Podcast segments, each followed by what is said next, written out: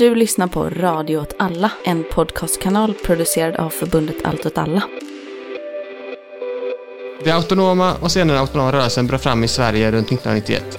Det var då ett nytt sätt att betrakta politik som bröt med de såväl tidigare principstyrda anarkisterna och de öststatsbelastade marxist-leninisterna. Rörelsen omformade den radikala vänstern och förde fram nya teorier, praktiker och projekt, däribland Förbundet åt alla. Nu är det 30 år sedan begreppet tog plats på den svenska politiska scenen och rörelsen tycks i hög grad ha stagnerat. Vad händer nu? I det här numret av Svärm som heter Autonoma rötter och nya träd skriver medlemmar för allt alla om vägar framåt i en tid då den autonoma rörelsen tycks vara i en vilsen situation. I den här podden har vi med oss två skribenter och mig Martin för att diskutera numrets texter.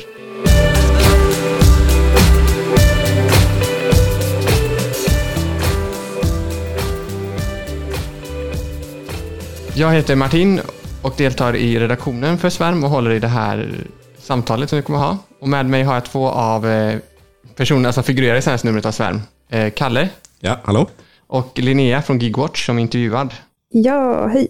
Och Linnea, vi kanske kan börja med dig. Eh, för de lyssnarna som inte känner till Gigwatch, vad är det för något? Eh, Gigwatch är ett initiativ som vill eh, granska gigekonomin, sprida medvetenhet om vad det är och förbättra villkoren för eh, folk som jobbar eh, inom gigekonomi och andra osäkra anställningar.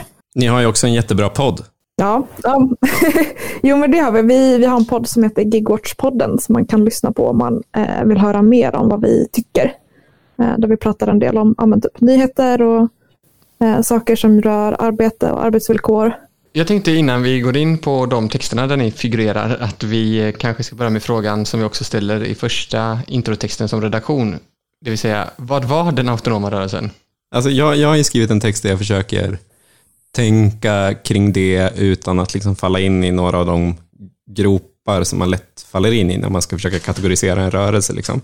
Ganska, ganska ofta så faller man in i att man ska liksom definiera en rörelse eller en miljö av något slag utifrån liksom så, eh, väldigt fasta, tydliga kategorier. Så typ om man ska definiera punken, bara som ett konstigt exempel, så, så är det ganska vanligt att, att folk bara så, ja, det var, det var Sex Pistols och så var det Ramones i USA. Och, och det, och det liksom ska sätta fingret på vad det var. Liksom. Men jag tänker att det är ett väldigt, ett väldigt schematiskt sätt att tänka kring stora sammansättningar av människor. Liksom. Eh, för det är jättekonstigt att jag tar punken som exempel, men, men det var det kom, som kom till mig. Men, men punken handlade kanske snarare om alla de människor som var involverade i den, som skapade scener och som lyssnade. Liksom. På samma sätt kan vi tänka kring politiska rörelser, att politiska rörelser inte är organisationerna. Det, det, rörelsen är inte förbundet Allt åt alla, antifascistisk aktion, syndikalistiska ungdomsförbundet, ut, utan rörelsen är någonting som finns däremellan och liksom är dynamiken mellan organisationerna. Eh, och, och, om man använder den, det sättet att tänka kring en rörelse så tycker jag att de vänstern är en spännande rörelse att titta på just för att den var fruktansvärt dynamisk. Att, att det, var, det var en stor samling små lokaler, det var en stor samling liksom, eh, kulturella uttryck, det fanns en väldigt tydlig estetik och sen fanns det väldigt många brott mot den estetiken som ändå fick plats inom liksom, rörelsens ramar. Eh, det, det rörde sig om fruktansvärt många olika liksom, sätt att tänka kring världen som egentligen var i direkt motsättning till varandra ofta. Och det fann, eh, rörde sig om stora mängder liksom, eh, politiska viljor som alla på något sätt samsades i samma typ av miljö. Eh, och, det, och det tycker jag, alltså, som, som grundplåt för att förstå att de har vänster, så tycker jag att det är ganska centralt just att man inte tittar efter en unik tendens, utan just en liksom spretig mylla av tendenser. Ja, alltså jag kommer väl utgå ganska mycket från min personliga erfarenhet av att eh, ha blivit aktiv i Syndikalistiska ungdomsförbundet runt 2016. Eh, och då var ju, alltså så här, redan då var ju autonoma vänstern kanske mer en nostalgisk idé eh, för oss som var aktiva eh, än kanske ett, eh, ett liksom, någonting existerande liksom, som gick att ta på. Det var väldigt mycket att man ville eh, vi ville vara autonoma. Vi ville vara autonom vänster hela tiden och sen skapade vi väldigt mycket ja, men så här, idéer liksom kring så här, okay, men vad, vad är den autonoma vänstern? Så här, oh, men det är att man, men man håller på med Kunskapsfabriken. Alltså det var ju mycket att vi, vi kollade tillbaka på gamla SUF-kampanjer liksom, som vi tänkte var tongivande. Men det var också så här, man, man var antifascist och skulle demonstrera mot nazister. Eh, man skulle gärna klä sig i Adidas. Eh, men, men sen kanske det inte var lika viktigt typ, vad man läste för ideologiska texter. Alltså, så här, där var det lite första bästa man hittade på nätet om Lenin eller någonting. Vilket, alltså jag ville bara tillägga, det tycker jag är ett ganska sympatiskt drag. Även om det är ganska begränsande på vissa sätt så är det ett väldigt sympatiskt drag. Ja, alltså man kanske inte är helt fel ute, men man kommer inte så långt om man, om man bara läser det. Liksom.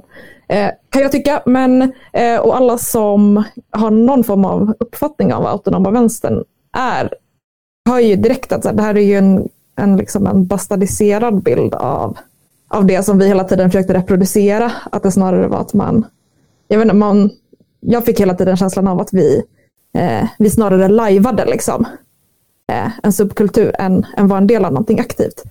Eh, och det, den känslan blev väl starkare ju, ja, men ju längre man var aktiv. Typ. Eh, alltså den här idén om att vara militant och typ att klä sig i blackblock och så var också eh, grejer som vi eh, tänkte var väldigt centrala. Typ. Eh, som var ganska svåra att praktisera men men, men jag, jag, tycker att den första texten i numret av redaktionen, som bland annat du Martina har varit och skrivit mm. i, tycker jag är en väldigt bra historieskrivning mm. om liksom, den autonoma vänsterns liksom, början och slut på något sätt. Är det den som bara handlar om Precis. vad är autonoma vänstern? Exakt. Eh, som liksom tar avstamp i någon slags 80-tals, eller 70 och 80-tals anarkism och liksom autonom arbetarmarxism i Italien. Eh, och förs ihop med någon svensk anarkism liksom, och så lever i sitt egna lilla liv och ockuperar massa hus och sen kommer alltid globaliseringsrörelsen Eh, Göteborgskravallerna 2001 och sen gör man en så kallad vändning till vardagen, att man skulle syssla med mer liksom vardagsnära frågor, så hyresstrejker och, och plankning och sådana saker. Och sen kanske inte det realiserades så mycket, utan det mesta fösades in i någon typ av militant antifascism liksom, som var väldigt eh, hegemonisk där väldigt länge. Men, men, men jag tycker att just den texten är, kanske, kanske den bästa liksom, korta sammanfattningen av Autonoma vänstern jag har läst. Mm, det var en utmaning att skriva den också för redaktionen eftersom det är svårt att hitta texter som eh, från rörelsen som behandlades historia. Mm. Så man får själv lite hitta på utifrån sina egna erfarenheter ja. och, och, liksom eh, sådär. Men det vi kan komma fram till då är att den autonoma vänstern är eller var, beroende på vad man tycker i frågan, en, snarare en samling praktiker mm. eh, än en ideologisk liksom, korrent rörelse. Mm. Eh, och att du då, Linnea, hade oturen att bli aktiv väldigt sent, så du känner mest att ni bara reproducerade en subkultur utan att vara en del av den. Eh, men när, de, när vi har intervjuat dig Linnea så heter ju texten, eh, titeln säger ganska mycket om intervjun. Jag kan säga att intervjun kanske går lite i moll. Men eh, den heter Valt att lämna det autonoma gjorts åt oss. Och vad, vad menar du med det? Eh, jag, eller, istället för att svara på din fråga så tänker jag att det är intressant att du tänker att eh, intervjun går i, i moll. För ja. jag har ändå en, en, en, eh, en positiv politisk syn. Mm. Eh, jag, tänker att, jag, jag tycker att det är, så här, de politiska projekten jag håller på med nu känns väldigt framåtsträvande. Liksom. Men, eh, men det är väl kanske alltid lite melankoliskt liksom, att, mm. att bestämma sig för att lämna någonting eller liksom dödförklara det. Mm. Um, men, men det jag menar med det här valet att lämna den autonoma rörelsen åt oss, har, har gjorts åt oss, eh, det handlar just om att eh, så här, det finns liksom ingen rörelse. Alltså, så här, även om man kan, i alla fall om man utgår från Stockholm, liksom, där, där jag är aktiv. Alltså, så här, vi, eh, alltså, även som SUF, liksom, eh, när, när jag var aktiv där och när vi försökte organisera saker så eh, men så den insikten kom liksom till slut att så här, okay, men det, alltså så här, det här att vi går runt och tänker att vi, vi är en autonom rörelse. Liksom, eh, det gör att vi hela tiden tänker att vi har typ massa så här, låtsaskompisar som så här, ska hjälpa oss med allting. Mm. Att, så här, vi planerar en kampanj Eh, och så har vi någon idé om så här, massa folk eh, som, är så här, som är autonoma, typ, som kommer haka på den här kampanjen eh, och som kommer driva den med oss. Mm. Eh, de personerna finns inte i verkligheten. Eh, och det... Eh, om man vill kunna här, på ett realistiskt sätt liksom, så analysera sina egna förutsättningar och så här, sin utgångspunkt för att kunna hålla på med politik. Alltså, då måste man inse det. Man måste släppa de här eh, låtsaskompisarna i svarta blocket och eh, vängrupperna och liksom allt vad det är. För så här, de, eh, de finns inte att tillgå. Alltså, så här. Alltså jag, jag tycker att du har helt rätt i det, att det, att det är låtsaskompisar. Liksom. Men jag, jag tror att det, är en, eh, att, att det man upplever är på något sätt ännu djupare än så. Att det inte bara är att de här människorna som man tror finns, finns inte. Utan det handlar också om att det finns inga människor som liksom appellerar eller mobiliseras av idén, den autonoma vänstern. Liksom. Det, det finns ingen som ser en, en SUF-kampanj exempelvis. Eh, som, när, när ni gjorde den så bröt ni också mot vissa liksom, av de estetiska och liksom, symboliska eh, principer som man i autonoma vänstern har förvisso. Men det var ju en väldigt typisk eh, autonom kampanj till utseende. Liksom. Men att det, att det inte får något gensvar handlar ju inte bara om att det, det inte finns några autonoma kompisar eller så, att de är på låtsas, utan det handlar ju också om att på något sätt att den här idén om den autonoma rörelsen inte, det finns ingen som svarar till den. Liksom.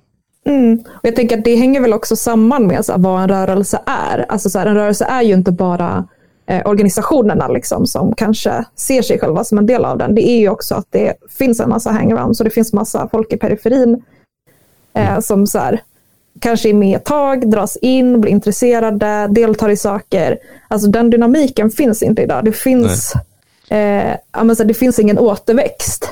Nej, och det finns liksom ingen som, eh, det, för, för mig så, när jag tänkt kring det så handlar det ganska mycket om just att det finns ingen som känner igen sig i det. Liksom. det de, de, som, de som man tänker sig borde känna igen sig i det gör inte det. Liksom. Och det är ganska svårt att sätta fingret på varför eller hur det har hänt, men, men så är det. Liksom. Jag skulle också vilja säga att eh, det som var eh, den utopiska vänsterns, eller autonoma vänstern beroende på vilket begrepp man väljer, men eh, styrka var ju att man kunde gå dit och få saker gjorda. Alltså att man behövde inte gå omvägen via ett parti, det var enklare att ordna en demonstration, det var rätt lätt att göra en kampanj. Det var, fanns liksom inga direktiv för hur saker skulle göras. Och jag tror att det som har skett är väl också att eh, det behovet eh, kan man få genom att bara starta ett event på Facebook till exempel. Eller att, alltså att den tidens nya kommunikationskanaler, oavsett vad det är, har liksom gjort den utomparlamentariska vänstern obsolet för att man behöver inte längre ens ha tre kompisar Nej. som heter någonting, utan man kan vara en person eller två personer. Och ta med BLM, Black Lives Matters förra sommaren, att det, det krävs liksom inte så, det är inte så svårt att styra upp en demonstration. Nej. Och det är inte så svårt att göra ett event. Eh, och även om det kanske blir lite kortare än det utomparlamentariska vänstern hade, kan man ha då som kritik, liksom, att det blivit en eventifiering av politik. Samtidigt så kan man ju ha med sig att väldigt många kampanjer som den utomparlamentariska vänstern har försökt göra eh, började ju mycket med eh, en demonstration, till exempel klassresan i, i Göteborg är ett exempel, där man skulle liksom börja en kampanj om klassegregation. Eh, Nu, talar, nu talar du utifrån egen erfarenhet precis. vill jag tillägga. här. Ja, exakt. Det här är inte skitsnack. Nej, eh, och då, då är det alltid att man skulle börja med demonstration. Men det slutar ju också alltid med demonstration. Så i slutändan så har ju också den här inventifieringen inte påverkat liksom kontinuiteten så mycket egentligen som man vill Nej. göra gällande. Så jag tror det måste man ha med sig också. Inte bara att folk inte kanske känner igen sig utan också att de verktygen vi erbjöd inte längre behövs. Nej. Eller behövs inte på samma sätt i alla fall. Nej, alltså, jag, jag, vet inte om jag helt håller med det resonemanget, eh, Martin. För att, alltså, jag förstår vad du menar med den här eventifieringen. Jag tänker att den, alltså så här, eventifiering som, eh, som fenomen tror jag absolut är en grej som påverkar liksom, politiken idag. Eh, men eh, alltså så här, ja, absolut, om man kollar på Black Lives Matter i Sverige, liksom, eh, som ju kanske framförallt var en solidaritetsdemonstration, så Så liksom, det var ju bara ett event. Där behövdes det inga nätverk eller organisationer liksom som drog i det. Men eh, alltså så här, om man kollar på U eller jag tänker att så här, alltså jag tror inte att bara för att det är lätt att göra ett event idag så betyder det att det på något sätt har ersatt politiska organisationer och nätverk. För om man kollar på ja, men typ USA som den rörelsen ju ändå kommer ifrån så, så här, där finns det ju supermånga nätverk och organisationer som liksom har varit en del av Black Lives Matter-rörelsen. Mm. Eh, men eh, kärnan kanske är liksom något, något mellanting, liksom, att det är Ja. just den autonoma vänstern som inte hängt med. Liksom. Nej, men min poäng är nog mer snarare att om, om man innan kunde erbjuda en möjlighet att anordna en grej, liksom. vad som helst. Alltså det, är, alltså det, är verkligen, det finns verkligen ett egenvärde i möjligheten att arrangera en grej. Det är, det är ju ett begär folk har. Liksom. Precis, att anordna en grej och att känna att man själv har ägande över den här grejen. Eh, och där tror jag verkligen att den utomparlamentariska vänstern spelar en viktig roll. Alltså, typ som Reclaim, ah, fan nu låter jag... nu, nu blev det väldigt gammal. Gamla, gamla referenser. Men som Reclaim the City-rörelsen också, det var ju också en internationell trend man hakade på, liksom gatufester från England framförallt. Eh, och det går mest ut på att hyra en ljudbil och så går man genom stan liksom. Så hoppas man att det blir kravaller. Mm. Eh, och det går ju att göra idag på ett mycket, fortfarande egentligen. Men att man inte behöver gå till ett stormöte på ett ställe eller man behöver inte vara medlem i, en, i ens en utomparlamentarisk vänstergrupp längre utan man behöver egentligen bara ha någon med körkort. men, men eh, jag, jag, mm. tror ju också att Alltså, du, du pratar ju mycket, nu pratar ju du om, om att autonoma vänstern möjliggjorde en, att producera politik, men mm. jag tycker också att autonoma vänstern eh, för många eh, också gav oss en möjlighet att konsumera politik. Mm. Eh, och Det kanske man tycker är lite obekvämt liksom, att prata om, men just den här möjligheten att eh, sätta sig i ett sammanhang och konsumera politisk identitet och politiskt sätt att tänka. Liksom. Det, det tror jag är väldigt centralt för människor ganska ofta, framförallt unga människor kan jag tänka mig, ha, har ett sånt behov. Liksom. Men idag så har man ju det behovet kvar, mm. men man kan konsumera politik mycket mer effektivt än att sitta på ett stormöte idag. Liksom. Du kan ju mm.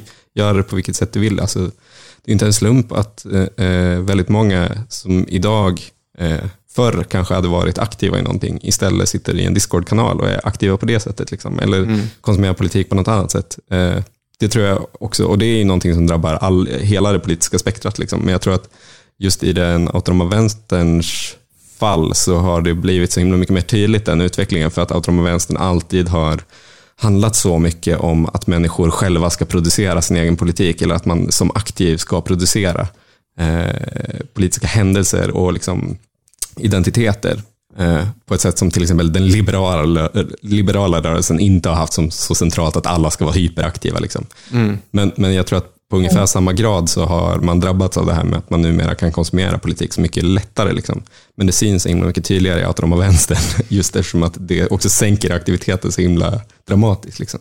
Vä väldigt bra poänger tycker jag. Alltså det här dels med eh, så här, att autonoma vänsterns funktion kanske har varit att men så här, ge en plattform för att kunna göra grejer, eh, men också konsumera politik. Eh, och det som, det som blir kvar om man inte eh, längre kan liksom göra de här grejerna, det är väl att man måste faktiskt fokusera på de politiska frågorna. Mm. Men det, supertråkigt. Det alltså, jag, jag tycker ändå man ska vara ärlig med att det är ganska tråkigt. Liksom. Det är trist. Ja, eller jag vet inte. Alltså så här, jag tänker att om man kollar på de rörelser som är framgångsrika i nuläget så stämmer väl också det 100% för mm. dem. Alltså jag tänker till exempel miljörörelsen och Black Lives Matter. Mm, absolut. Att det är sakfrågerörelser ja. för folk som tycker att en fråga är viktig. Liksom. Inte att de vill ha typ sammanhang eller så. Man skulle ju också då kunna argumentera för att just enfrågor och sakfrågor var det som faktiskt var starten för den utomparlamentariska vänstern. Att liksom, just det som vi var inne på i början där, att avsaknaden av ideologi mm. eh, var ju också en konsekvens av att det var liksom en sammanfogning av ett antal olika enfrågor, framförallt antirasism och, och husockupationer kanske. Mm. Men eh, så det, det, kanske är start, de här sakfrågorörelserna kanske är starten på något nytt. Just det här med eh, sakfrågor, eller så avsaknaden av sakfrågor är väl också en sån grej. Jag eh, jag har med mig jättemycket från eh, min tid som aktiv inom, eh, inom situationstecken, den utomparlamentariska vänstern. Liksom.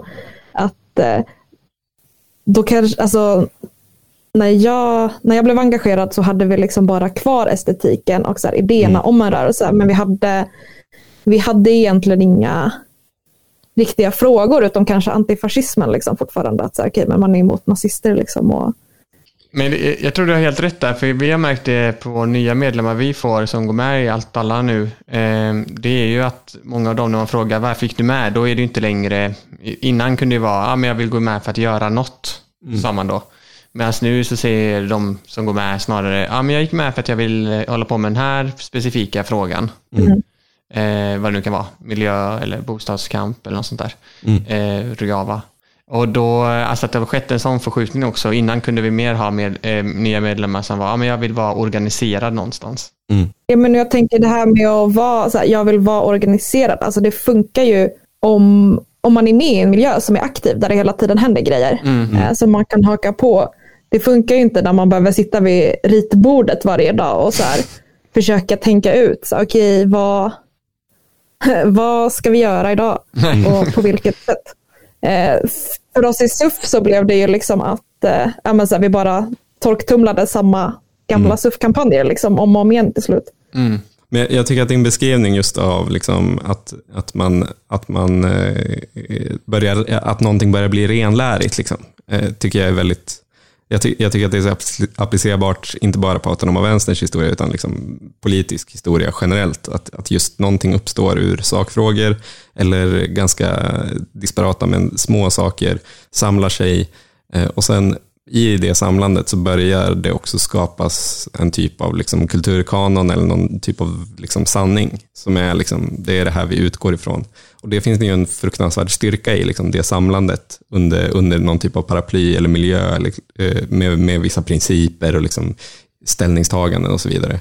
Eh, det, det finns ju en fruktansvärd styrka i också. Men, men, men när, det, när det möter stagnation så, så blir det bara eh, renlärighet och att man liksom att, man, att man upprätthåller principer som man inte riktigt förstår varför. Och man liksom, Jag, jag tänker att eh, alltså så här, det kan ju vara på gott och ont. Eh, jag, jag tycker mig ha sett en del sådana eh, vad säger man, clashes typ, som också uppstår liksom just så här, när, man in, när, när man är i ett politiskt sammanhang där det inte finns de här givna sanningarna. Eh, alltså jag tänker en, en sån grej som så här, alla höll med om, liksom, som det rådde konsensus kring i eh, autonoma vänstern var ju liksom inställningen till polisen till exempel. Att här, polisen är Eh, här, de kommer motarbeta oss, polisen är inte våra kompisar, vi ska inte samarbeta med dem.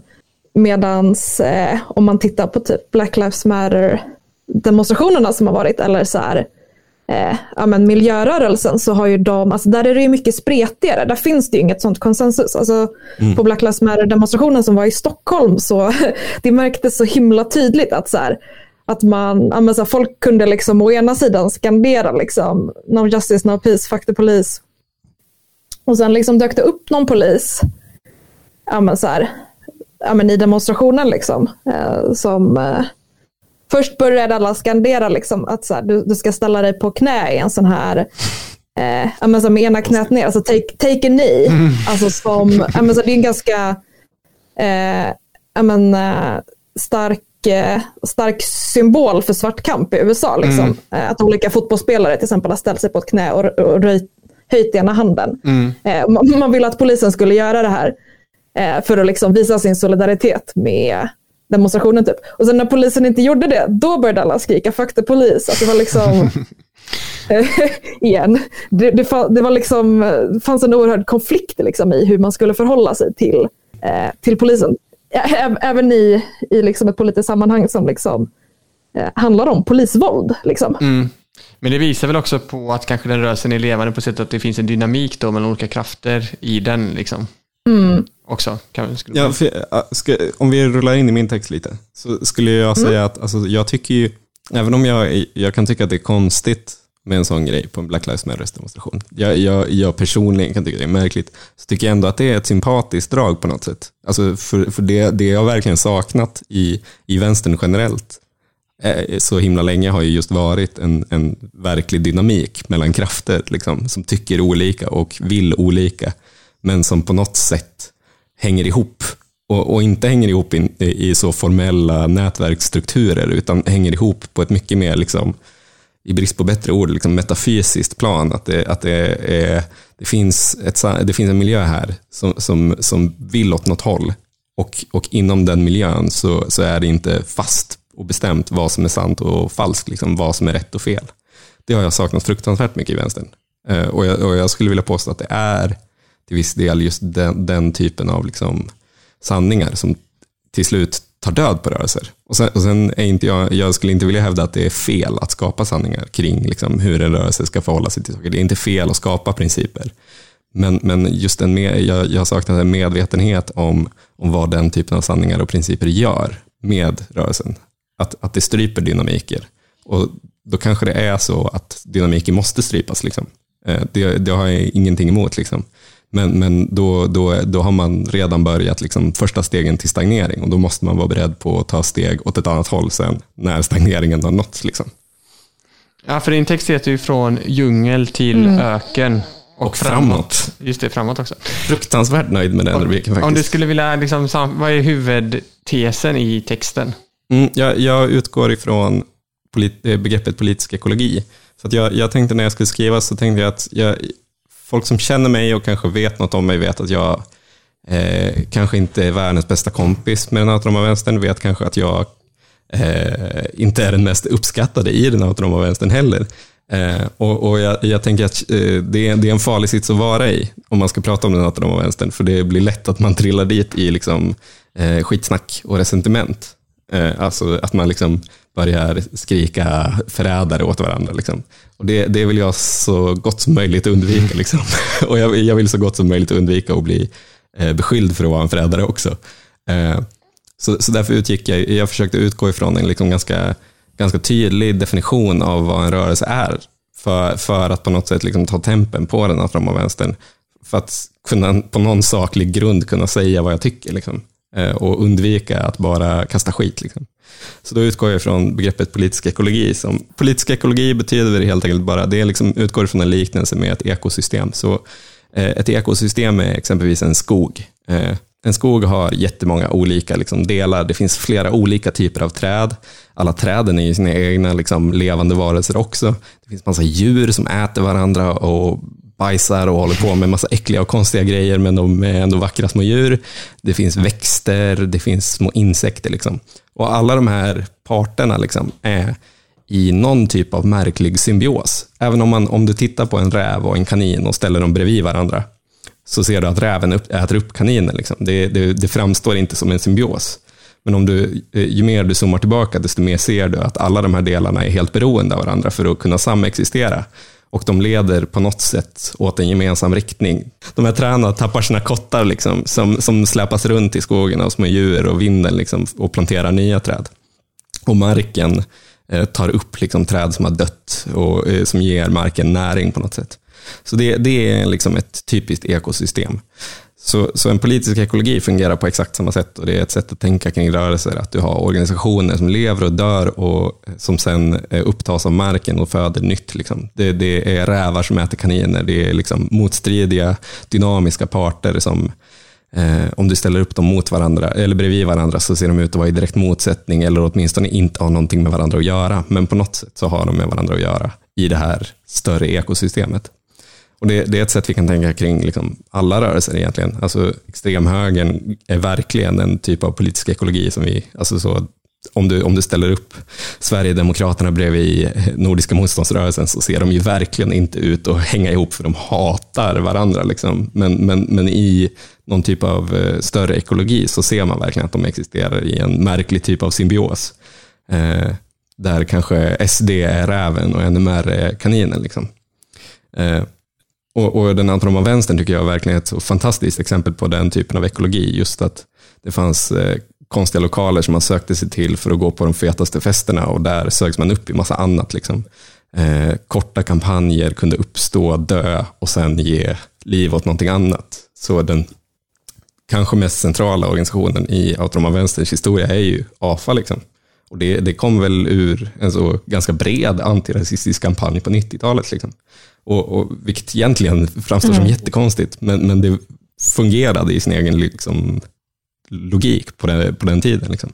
Men, men, med den definitionen av liksom, rörelse så tycker jag att man ganska krast kan säga att den autonoma vänstern är död. Inte att dess delar är döda. De här träden finns kvar. Det kanske finns någon räv där. Liksom. Men det finns ingen liksom, dynamik dem emellan som leder dem eh, framåt. Alltså, alltså, det spelar ingen roll att du har ett bokcafé. Liksom om, om den miljön runt bokcaféet inte existerar längre. på något mm. sätt. Men det är, det är intressant att du, du känner att du behöver motivera det här med att autonoma vänstern är död med så himla många ord. Jag tänker att det, det kanske beror på att, eh, att den är ändå ger sken av att vara mer livskraftig i Malmö. Alltså i Stockholm så är det verkligen bara att kolla på den och bara man sparkar på en tunna typ och den skramlar. Alltså, så det, finns, det finns ingenting där. Det är liksom det finns ingen som säger emot om man säger att den är död, för det är liksom stendött. För mig, för mig så handlar det inte så mycket om att autonoma inte ska bli sura på mig, utan det handlar kanske mest om att hålla mig själv från resentimentet på något sätt. Liksom. Att jag, jag, jag tycker inte... Jag, ty, ja, men jag tänker att bitterheten är en farlig plats att vara i. Liksom. Så, så om, om jag ska förklara en död så, måste, så känner jag att jag måste kunna liksom stå för det på något sätt. Men, men, men just den, den, den sveket, tycker jag, tycker jag, eh, jag, jag avslutar liksom med en kort diskussion om svek också. För jag, för jag tycker att den är ganska, alltså ordet svek är ganska centralt när det kommer till just att, liksom, att, att gå vidare i livet från någonting som man upplever som dött. Liksom. Vi i Allt åt alla har i väldigt, väldigt många år blivit beskyllda för att svika. Liksom. Vi, eh, eh, när vi har brutit mot olika principer som funnits i den autonoma vänstern så är det det man blir beskylld för. Liksom. Eh, du har svikit. Anledningen till varför det går dåligt är för att du har svikit. Hade inte du svikit så hade det gått jättebra. Så det finns någon typ av renlärighet som är väldigt central. Liksom. Och, då, och då tänkte jag att, att det kanske är, liksom, för det, då, då är det lätt att man börjar streta emot och är så, nej, nej, nej, vi är inte svikare, vi är rättrådiga medlemmar i denna miljö, precis som ni. Vi har all rätt att vara här. Jag tänker att man kanske till slut måste också bara acceptera sitt eget svek liksom, och, och bara erkänna det som sådant och tycka att det är ganska okej. liksom. Att det är liksom det rimliga sättet att gå vidare. Att, att istället för att gräva ner sig i en grop och säga att nej, det är vi som är de riktiga autonoma. Det vi gör är det mest autonoma, som är så himla lätt att göra. Så kanske man ska liksom bara stå och så ta den liksom, och vara okej med det. Och bara stå för att man är en svikare. Liksom. Och att det kanske är det rätta och riktiga att göra för tidpunkten. Liksom. Nej, men jag tycker att det är intressant det du sa Kalle, just med svek. För det är väl kanske en, en grej liksom, som uppkommer när man har börjat som organisation i den autonoma vänstern och behöver liksom Alltså, jag kanske inte skulle kalla det så här, lösgöra sig från den utan snarare att försöka faktiskt överleva den. Att man inte bara blir, blir ytterligare ett lik på elefantkyrkogården. Liksom. Eh, Alltså Gigwatch som organisation, alltså så här, vi, vi ser ju inte oss som en, en del av autonoma vänstern. Eh, eh, nej men, eh, men, men samtidigt så, så vi läser ju ändå en del, en del texter från den tiden. Alltså vi har ju kollat en del liksom, på gamla, gamla riffraff-texter till exempel. Eh, som, eh, ja, men så här, en, en del av de grejerna är ju liksom fortfarande eh, jätteintressanta och up to date. Eh, och vi, vi läser kanske dem mer än så här, vi gjorde i SUF. Liksom. Eh, för där fanns det liksom inte ens ett sammanhang att sätta in de texterna i. Eh, så här, Åh, ska vi göra en bannerdrop kring, Kring osynligt motstånd. ja, men kring, kring typ så här, eh, proletär management. Liksom. Alltså, så här, vad, det, det fanns liksom ingenting att göra med det. Men eh, så, alltså, så här, jag, tänker, jag tänker att det är väl också värdefullt liksom, att försöka förvalta de erfarenheter som finns liksom, från den miljön. Eh, men, men det ska ju vara en tillgång till den, inte bara liksom ett, ett ok man, man ska bära som så här, någon, någons pappa typ, som man ska försöka uppfylla, gå i, gå i hans fotspår. Typ. Det kanske inte handlar... För gre- grejen är också att det finns ju en, det finns ju en eh, återvändsgränd att, eh, att också försöka eh, liksom svika eller lämna för sakens skull, som man kan säga med flera olika utanförstående organisationer som har kommit upp och försvunnit, så som till exempel det mest klassiska exemplet i i Sverige är väl Folkmakt som började på 90-talet, som också var en sån ni är så jävla kassa. Vi har rätt. Sådär. Men det dog ju också efter ett tag för när den eh, liksom, rörelsen som de ställde sig emot började anamma allting som de tyckte så slutade den ju fylla en funktion. Och samma var väl med eh, Revolutionära frontens liksom, sista uttalande där var väl också det att, att de var också ett sätt att försöka bryta med, med en rörelse men eh, i slutändan hade de blivit liksom exakt det som, som de var emot. Ja, sätt. men jag tycker att eh, Hector från att alla Malmö skrev en bra text om det i senaste numret också. Alltså, som inte specifikt handlar om det kanske, men handlar om den liksom, tyska erfarenheten. Där, där man ganska tidigt läm, liksom, lämnade begreppet autonom bakom sig och skapade vad man kallade en postautonom miljö. Liksom. Eh, och, den, och, i, och den postautonoma miljön skulle inte gå in i alla de fällor av liksom, slutenhet och hemlighet och, och sådana saker eh, som, som den autonoma vänstern hade gått in i. Som, och det är förvisso en ganska annorlunda situation, Tyskland, liksom, med en så historia av vänsterterror och sådana saker. Det förändrar ju saker och sätt att tänka politiskt såklart. Men, men, men, men, men det Hector redogör för är liksom den historien och också hur den liksom postautonoma vänstern också på många sätt har gått in i ungefär samma fällor. Det är bara det att den här slutenheten och hemligheterna är, är liksom konstituerar sig på ett lite annat sätt. Att det kanske inte handlar om att möteslokalen är hemlig och du måste gå igenom hårda prov för att ta dig in i en organisation, utan det kanske handlar om eh, en slutenhet på så sätt att du måste ställa upp på vissa ganska specifika och märkliga liksom, ritualer. Liksom. Du måste ha lite rätt kläder och du måste ha lite rätt sätt att tänka och, och prata. Liksom. Så, så jag, jag, förstår verkligen den rädslan för att liksom inte bara reproducera återigen de misstagen man begått tidigare. Liksom. Det, när vi var på en studieresa i Italien och träffade de sociala centren och då i, Italien har ju länge varit en sån autonom liksom, förebild för delar av den proletariska vänstern i Sverige. Eh, och de var ju så... Eh, Dels så sa de ju att, att deras rörelse går ju alltid genom ebb liksom, det är inte all, det är, de beskrev det som en flod, att det inte alltid är en stark flod utan det är oftast ebb. och de hade de sociala centren att alltid backa hem till. Liksom. Men de sa också det som man kan ha med sig, som jag tänkt på mycket, att de slutade ha ett nationellt nätverk av det just den anledningen att de ville bryta med blaha blaha, vänstern, blaha blaha, gå vidare, blaha blaha. blaha. Men enda det resulterade i också i slutändan var att de var satt jätteisolerade på sina ställen.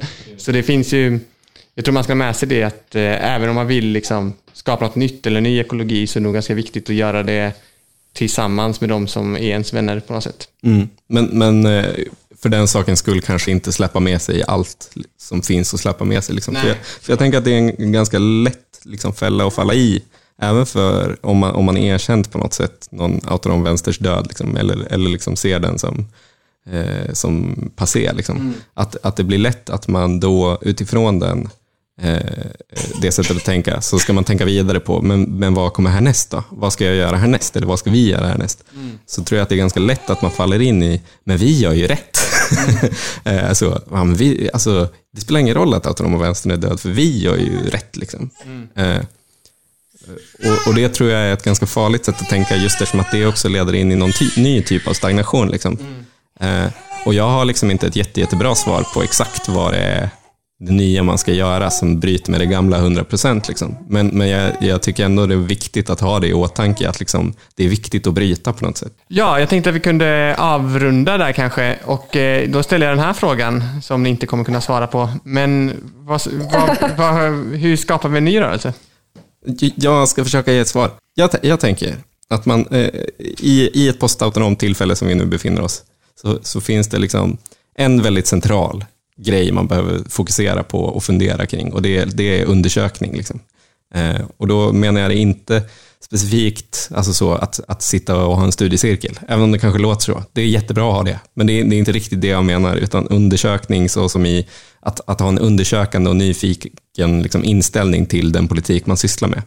Eh, för om, om det är så att den gamla politiska ekologin som man befunnit sig i är, är utspelad på något sätt, om, om det är så att, att de liksom objektiva, liksom materiella, eller vad man vill kalla det, liksom förutsättningarna som fanns för den miljön att uppstå ser annorlunda ut idag. Om det kanske är så att, att världen har förändrats, så måste vi försöka förstå på vilket sätt den förändrats och framförallt på vilket sätt vi kan agera politiskt inom den.